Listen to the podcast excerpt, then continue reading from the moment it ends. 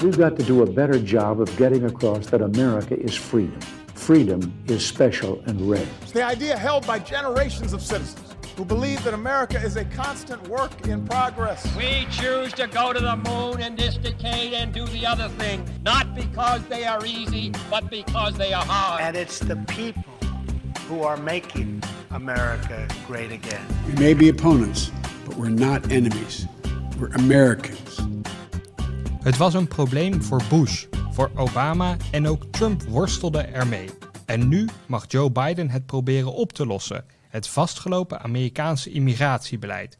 Ieder jaar proberen honderdduizenden illegalen het land binnen te komen. Maar er is eigenlijk helemaal geen systeem om die mensen op te vangen. Waarom worstelt Amerika hier al decennia mee? In deze Holland-Amerika-lijn proberen we daarachter te komen. Mijn naam is Victor Pak en in Washington DC zit Emiel Kossen. Welkom. Dag Victor, hoe is het daar? Hier is alles goed, maar ik geloof dat, uh, dat bij jou in DC er een soort uh, crisissfeertje hangt. De eerste crisis van de president. Joe Biden heeft een beetje een probleem. Ja, hij heeft een probleem aan uh, de Amerikaanse zuidgrens, want daar is het uh, druk, heel druk. En het is echt Bidens probleem, want sinds november, dus sinds dat hij uh, de verkiezing heeft gewonnen, is het aantal immigranten, het aantal mensen dat probeert die zuidgrens over te steken, enorm gestegen. Sinds november gaat het om 400.000 mensen die de grenswacht heeft aangehouden. dat is een verdubbeling van, van de maanden ervoor. En Bidens regering geeft toe dat dit waarschijnlijk pas het begin is. En ze verwachten de grootste migratiestroom in 20 jaar tijd. Um, die mensen komen vooral uit Centraal-Amerika, maar ook steeds meer mensen komen uit Mexico. Nou ja, dat heeft een aantal redenen. De coronapandemie is daar, is daar eentje van. Een groot probleem dus. En de beelden zijn ook niet fraai. Ik begreep zelfs dat Biden de media er liever weg van wil houden. Want kinderen in kooien, dat is een beeld dat rondging toen Trump president was. Dat, dat beeld is er nu opnieuw weer. Ja, het gaat vooral veel over um, de zo'n 15.000 migrantenkinderen die uh, de grens over zijn gestoken de afgelopen weken. Um, Biden heeft uh, een heel andere retoriek dan, dan Donald Trump. Um, hij zegt dat we veel humanitairder moeten omgaan met immigranten. Um, Donald Trump zei natuurlijk dat immigranten een gevaar waren voor Amerika, probeerde die grens te sluiten. Biden die zegt dat ze vaak goede redenen hebben om naar Amerika te komen en dat ze humanitair moeten worden behandeld. Maar gek genoeg zitten we nu op het punt dat het beleid van beide presidenten op hetzelfde punt uitkomen. dat Amerika dus zit met een humanitair probleem waar uh, duizenden kinderen in benarde situaties in detentiecentra zitten. Het gaat dus om tienduizenden kinderen, maar ook nog eens heel veel volwassenen. De aanzwelling van migranten heeft dus veel te maken ook met de retoriek van Biden. Laten we even luisteren naar wat Biden zei nog tijdens de voorverkiezingen van 2020. We should not be locking people up. We should be making sure we change the circumstance as we did, why they would leave in the first place. And those who come seeking asylum, we should immediately have the capacity to absorb them, keep them safe until they can be heard. A, a 15 second, if you could, if you wish to answer. Should someone who is here without documents, and that is his only offense, should that person be deported. That person should not be the focus of deportation. We should fundamentally change the way we deal with them. Is het dan alleen de retoriek van Biden die gewoon niet zo afschrikwekkend is als die van Trump dat het systeem nu weer verstopt zit? Ja, dus als je luistert naar uh, de woorden van, uh, van toen nog presidentskandidaat Biden, snap je dat, uh, dat immigranten uit landen als Honduras en Guatemala meer hoop kregen um, door Joe Biden, in tegenstelling tot de retoriek van Donald Trump. Um, maar Biden zet ook een aantal concrete stappen. Het was niet alleen retoriek. Um, concrete stappen om uh, immigranten uh, welkom te heten. Um, de grensmuur werd gestaakt, de bouw daarvan. de Biden kondigde aan om 100 dagen lang geen mensen meer te deporteren. dat werd tegengehouden door de rechter. Maar goed, het, het, het, sprak wel boekdelen voor, voor veel immigranten. En de belangrijkste stap was dat Biden stopte met het automatisch terugsturen van kindmigranten. Uh, dat zit zo. Onder Donald Trump werd een akkoord gesloten met de Mexicaanse regering. Um, om asielzoekers hun procedure te laten afwachten aan de Mexicaanse kant van de grens. Uh, dus niet in Amerika, um, waar ze dan vaak de illegaliteit inspringen als ze eenmaal een asielverzoek hebben ingediend, maar aan de kant van Mexico. Um, op zich slim beleid als je ja, de migranten wil afschrikken. Maar daar ontstonden wel uh, beruchte tentenkampen uh, in Mexico. En Biden zei, ja, daar moeten we eigenlijk uh, iets aan doen. We laten het akkoord nog even intact, maar niet als het gaat om kindmigranten. kinderen mogen wel naar binnen. Zij mogen in Amerika hun asielverzoek afwachten. Nou, dat is een van de belangrijke acties geweest waardoor er nu zoveel immigranten naar de grens komen. En waardoor families worden gescheiden. Want uh, ja, die families zijn ook niet gek. Uh, ouders die weten dus dat als hun kind sturen, hun tienjarige zoon, hun, hun zesjarige dochter, uh, ja, die, die wordt binnengelaten. En die kan um, vanaf dat moment naar een, naar een ander familielid in Amerika worden gestuurd. En ja, zo hopen die families uiteindelijk um, met z'n allen het land binnen te komen. Het immigratiebeleid is nu ook onder Biden weer helemaal vastgelopen. Maar dat is natuurlijk geen nieuw probleem. Dat zeiden we al in de introductie. Talloze presidenten willen het immigratiebeleid hervormen. En dat is ook niet zo gek, want de basis van het nog steeds bestaande immigratiebeleid is al gelegd in 1965 onder president Lyndon B. Johnson. Dat systeem moest ervan uitgaan dat het voortaan om familiehereniging en de benodigdheden van bedrijven zou gaan. Dat waren de primaire bouwstenen van Johnsons beleid. Maar dat werkte niet helemaal goed, toch Emiel? Het systeem voor 1965 was gericht op nationale quota's. Dus um, als je als Nederlander naar Amerika wilde, uh, dan had je een, een, een bepaald percentage kans. Um, en, en, dat was vaak hoger voor Europese landen dan voor landen uit Azië of, uh, of Latijns-Amerika. Um, dat systeem werd gestopt uh, en er kwam een vast maximum legale immigranten dat uh, per jaar naar Amerika mocht komen. Um, er waren toen al zorgen dat te lage quota's zouden leiden tot illegale immigratie. Um, een van de senatoren die uh, de wet had bedacht, Ted Kennedy, een bekende, die vertelde critici destijds dat, um, dat het nooit zou gebeuren dat er meer dan een miljoen immigranten per jaar naar Amerika zouden komen. Nou ja, goed, dat gebeurde nou precies wel. En dat kwam dus ten dele omdat er zo weinig legale plekken waren uh, en immigranten dus illegaal gingen proberen. Nou ja, het is niet dat de uh, politie dat niet door hadden, want sinds de jaren tachtig zijn er uh, talloze keren, is er talloze keren geprobeerd om dat systeem te hervormen. En Reagan die, die deed wel wat voor die illegale immigranten die toen al in de VS waren gekomen. En dat is gewoon amnestie, om het even bondig te zeggen. Um, dat deed hij samen met een democratisch congres. Dat was nog echt bipartisan, daar hebben we het vaker over. Republikeinen en democraten die samenwerken. Die, die wet van Reagan die werd goedgekeurd. Wie voor 1982 naar de VS was gekomen en zich een beetje netjes had gedragen, kon uiteindelijk staatsburger worden. Maar ook dat was niet een echte oplossing. Want inmiddels zitten we nu, en dan hebben we het over nu 2021, opnieuw met miljoenen illegale. Nou Reagan die, um, die had inderdaad het onderdeel van amnestie um, in, in zijn wet zitten. Uh, daardoor mochten miljoenen uh, illegale immigranten legaal blijven. Maar die andere kant van het probleem, um, ja, het feit dat heel veel bedrijven uh, die goedkope werknemers nodig hadden, Um, dat werd niet echt aangepakt. Officieel mochten bedrijven uh, geen illegale meer, uh, uh, meer in dienst nemen. Maar er werd eigenlijk amper naar gekeken.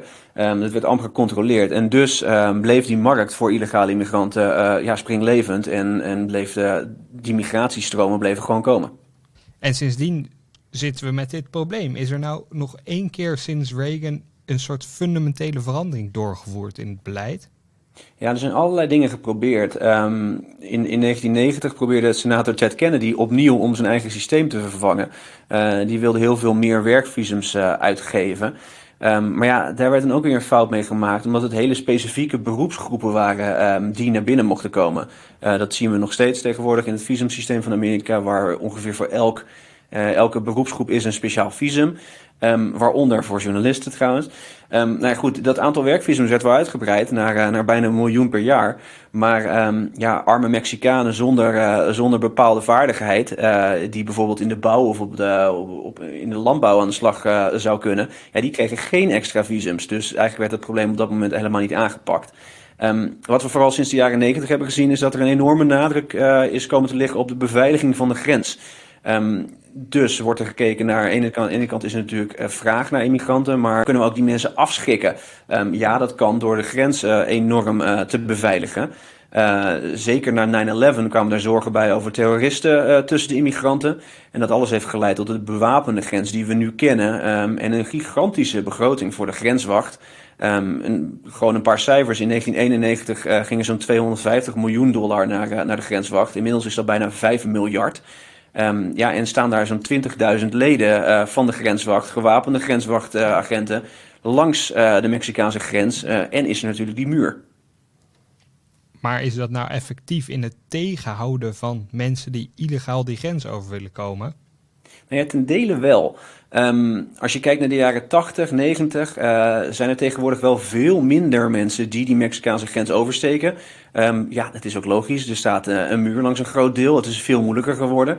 Um, ooit waren dat uh, er zo anderhalf miljoen per jaar.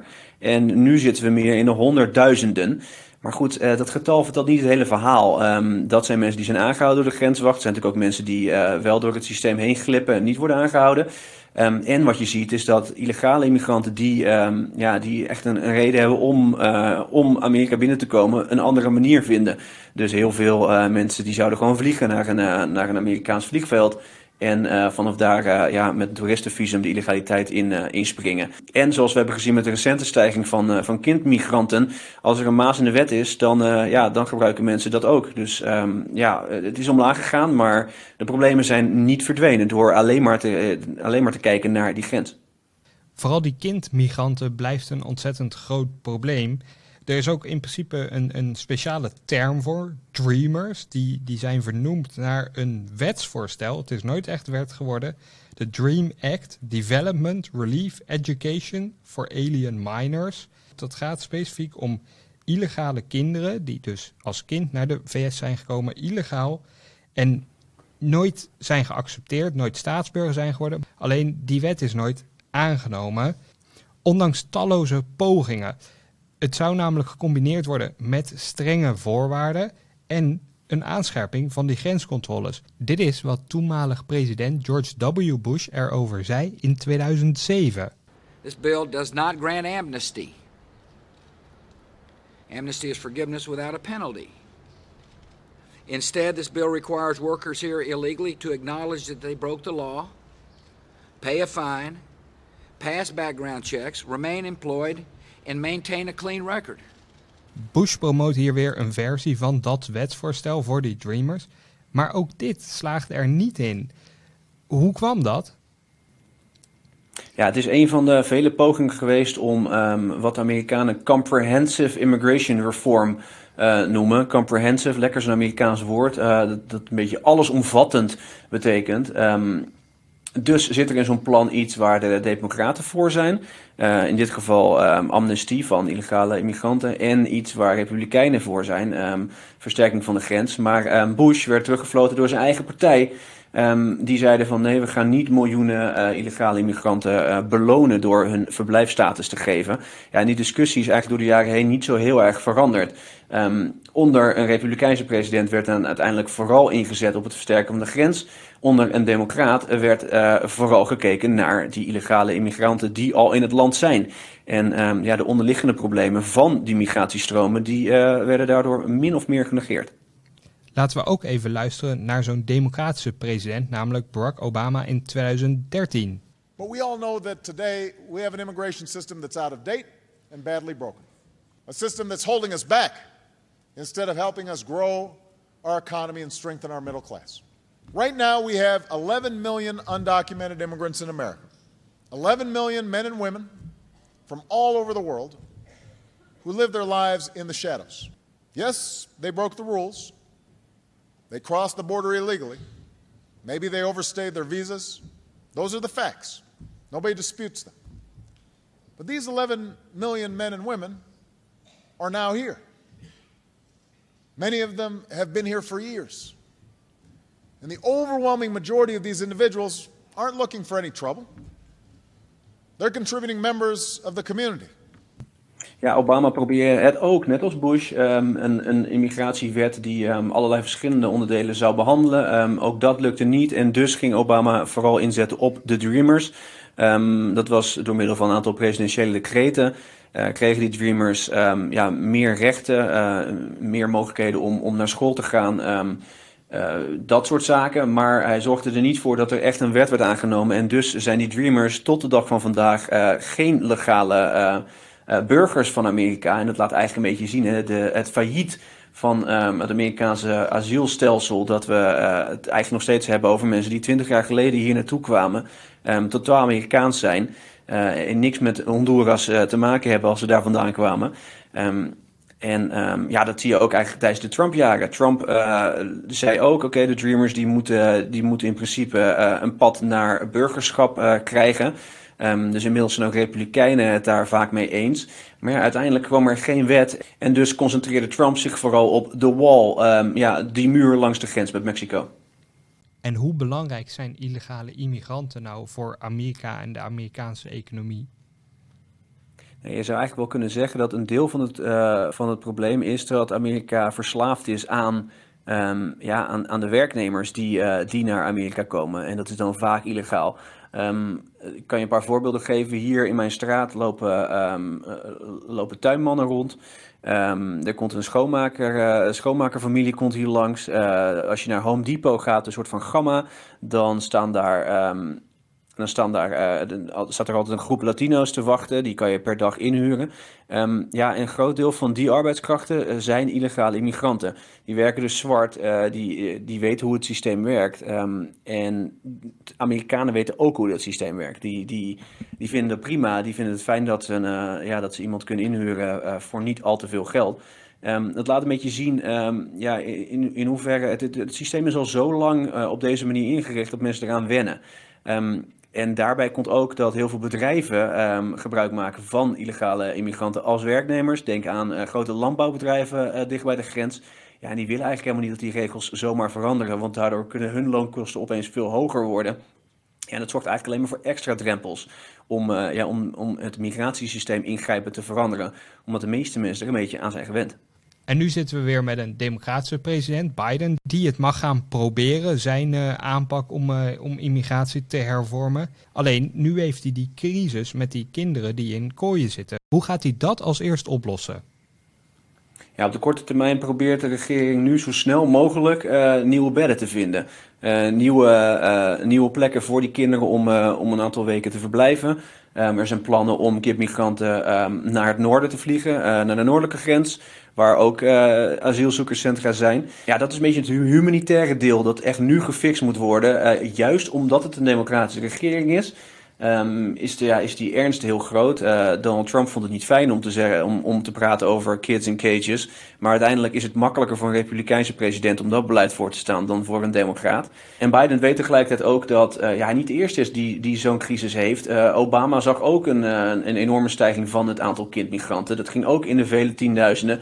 En um, uiteindelijk zwakte dat weer af.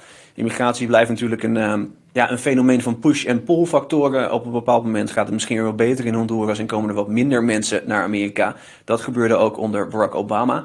Dus um, Biden zal weten dat, um, dat het uiteindelijk wel weer een keer zal afnemen, um, die korte termijn crisis. Maar ja, op de middellange en lange termijn is het een stuk lastiger om, uh, om zaken gedaan te krijgen. Want dan heb je uiteindelijk gewoon een wetsvoorstel nodig dat eindelijk is, wordt aangenomen en hij uiteindelijk kan ondertekenen. Hij deed wel natuurlijk dat voorstel op zijn eerste dag in het Witte Huis. Ook daar zit weer eigenlijk hetzelfde in als wat ik al benoemde over de Dreamers. Een weg naar burgerschap. Namelijk, dit keer, Biden stelt voor een periode van acht jaar die het duurt voordat je dan volledig uh, staatsburger kan worden. Is er nou enige kans, want Biden heeft zowel het huis aan zijn zijde als de Senaat, dat er iets van zijn voorstel wel wordt aangenomen? Nou ja, het voorstel is heel breed. Het gaat lang niet alleen maar over naturalisatie uh, van mensen. Um, wat dat onderdeel is eigenlijk, um, als je Republikeinen vraagt, Democraten vraagt, is vrijwel iedereen, iedereen het over eens dat de Dreamers een pad naar um, een legale status moeten krijgen. Alleen de timing is nu heel slecht. juist omdat er zoveel mensen naar de grens komen, gaat niemand daar nu uh, over stemmen. Dus die naturalisatie die, die komt wel. Uh, dat zeggen ze natuurlijk al jaren. Dus het is de vraag of dat ook echt gaat gebeuren. Maar veel mensen ervan, veel experts zeggen dat zou nog wel kunnen komen als het als los plan wordt bekeken. Echt lastiger wordt het als, als Biden moet gaan strijden voor andere oplossingen voor de lange termijn. En wat zijn die oplossingen die Biden heeft voor de echt lange termijn? Ja, dus door, uh, door het feit dat er op dit moment niet zoveel politieke wil is, is Biden vooral bezig om tijd te winnen. Daar heeft hij een aantal, uh, een aantal opties voor. Um, hij praat bijvoorbeeld met de Mexicaanse regering, zodat zij hun grenzen met Guatemala beter beveiligen. En de migratiestroom uh, ja, wordt, wordt afgezwakt al daar. En Biden zegt zelf openlijk dat mensen niet nu moeten komen. Um, dus hij heeft zelf een verandering in retoriek uh, om dus tijd te winnen, zodat er misschien wat meer politieke wil is voor zijn uh, meer fundamentele plannen op de lange termijn. Um, die zijn wel lastig, uh, lastig voor te stellen hoor. Hij wil een heel ander asielsysteem. momenteel duurt het heel erg lang voordat een asielaanvraag wordt behandeld. Het kan zo jaren duren. Um, mensen hoeven die niet altijd af te wachten in een asielzoekerscentrum. Sterker nog, de meeste mensen worden gewoon in Amerika losgelaten. Ja, en daardoor komen juist zoveel mensen in de illegaliteit terecht. Biden die, uh, die wil ook vooral kijken naar de onderliggende redenen van migratie. Um, dus waarom komen al die mensen? Nou ja, de grootste reden is armoede. Um, en criminaliteit in Centraal-Amerikaanse landen. Uh, en ja, de Democraten denken dat ze daar echt wat aan kunnen doen. Uh, dat ze miljarden dollars uh, gaan sturen naar Honduras, Guatemala, El Salvador. om, om de, de, de omstandigheden daar te verbeteren. Nou ja, het is maar de vraag of dat nou echt um, ja, zoden aan de dijk gaat zetten.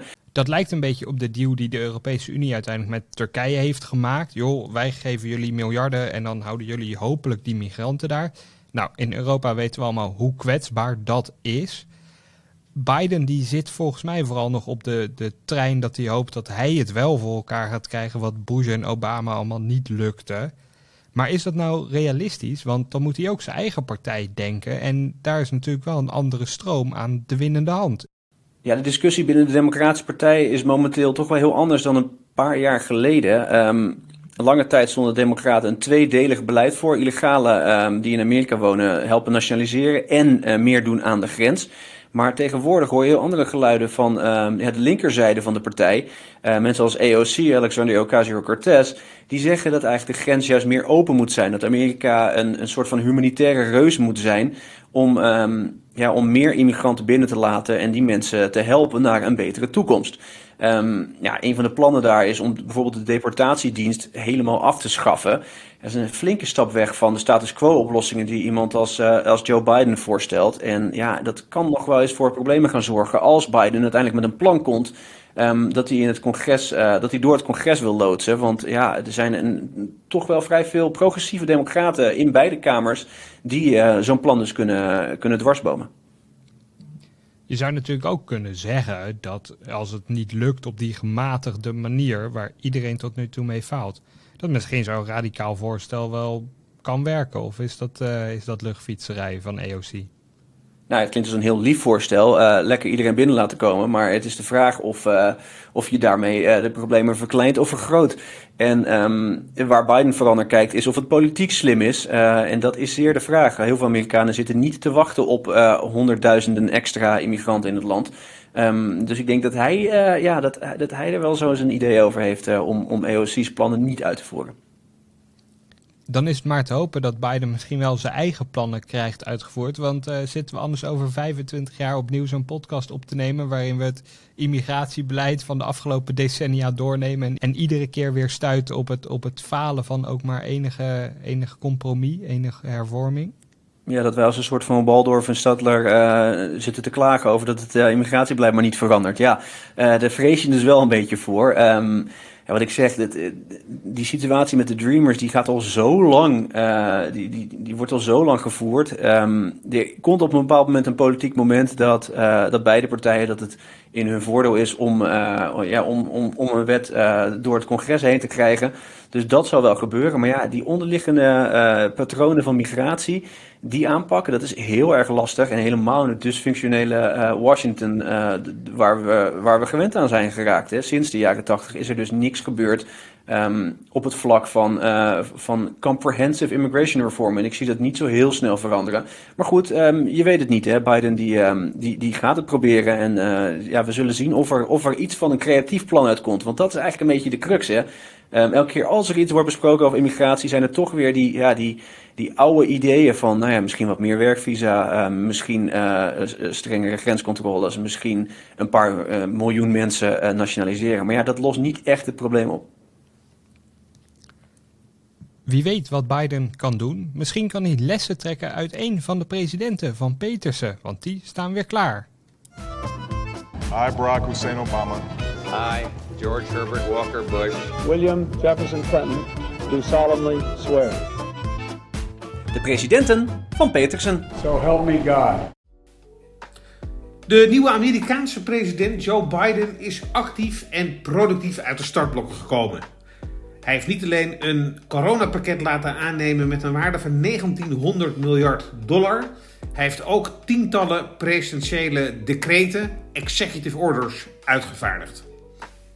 En daarmee treedt hij eigenlijk in de voetsporen van een van zijn roemruchte voorgangers, Franklin Roosevelt, die de Amerikaanse sociale verzorgingsstaat heeft opgetuigd in de jaren 30 van de vorige eeuw.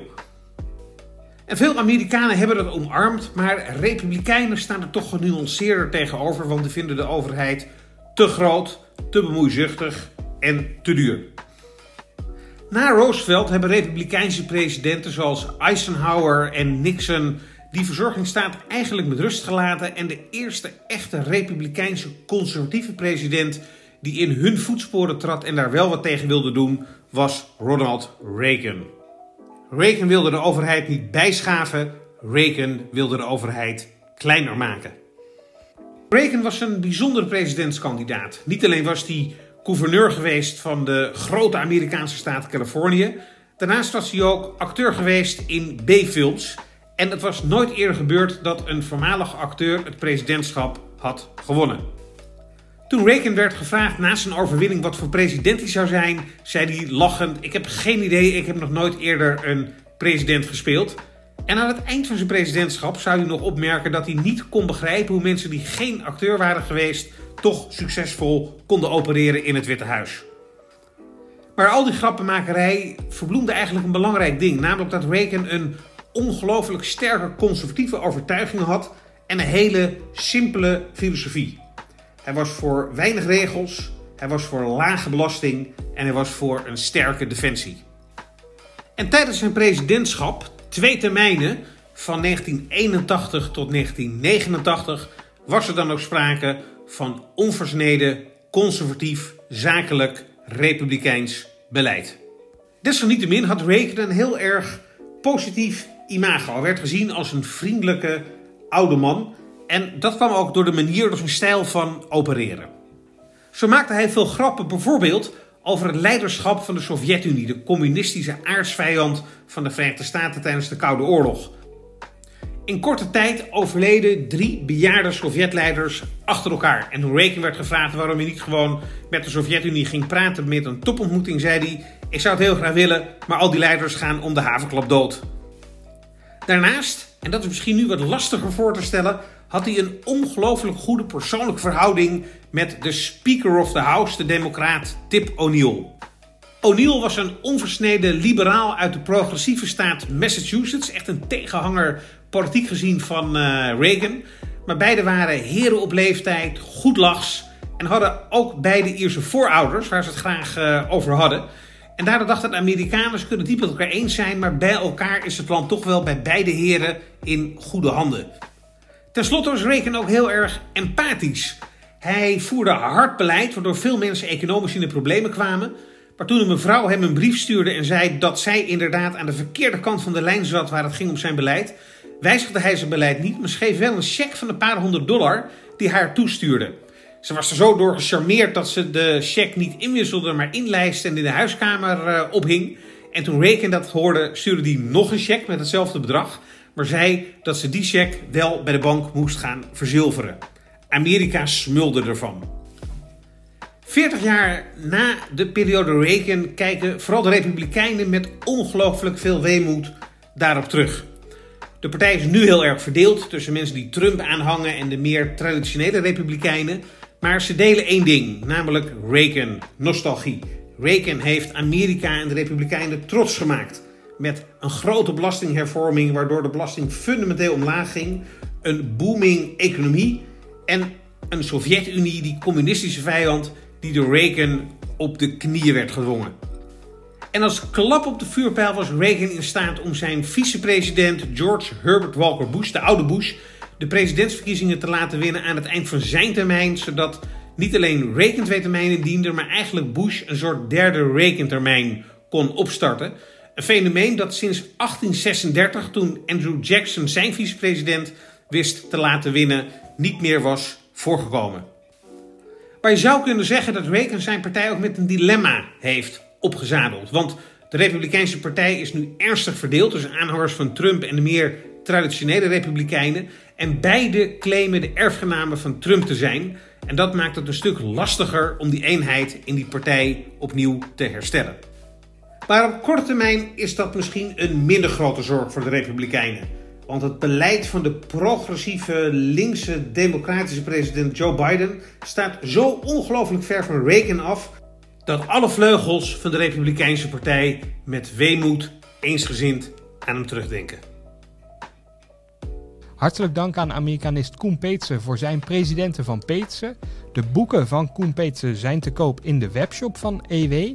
Wilt u nou meer podcasts van EW luisteren? Vergeet u dan niet te abonneren op ons kanaal. Dan kunt u ook bijvoorbeeld eens naar Brusselse bobo's en baantjes luisteren. Voor nu was dit de Holland-Amerika-lijn. Hartelijk dank voor het luisteren en graag tot een volgende keer.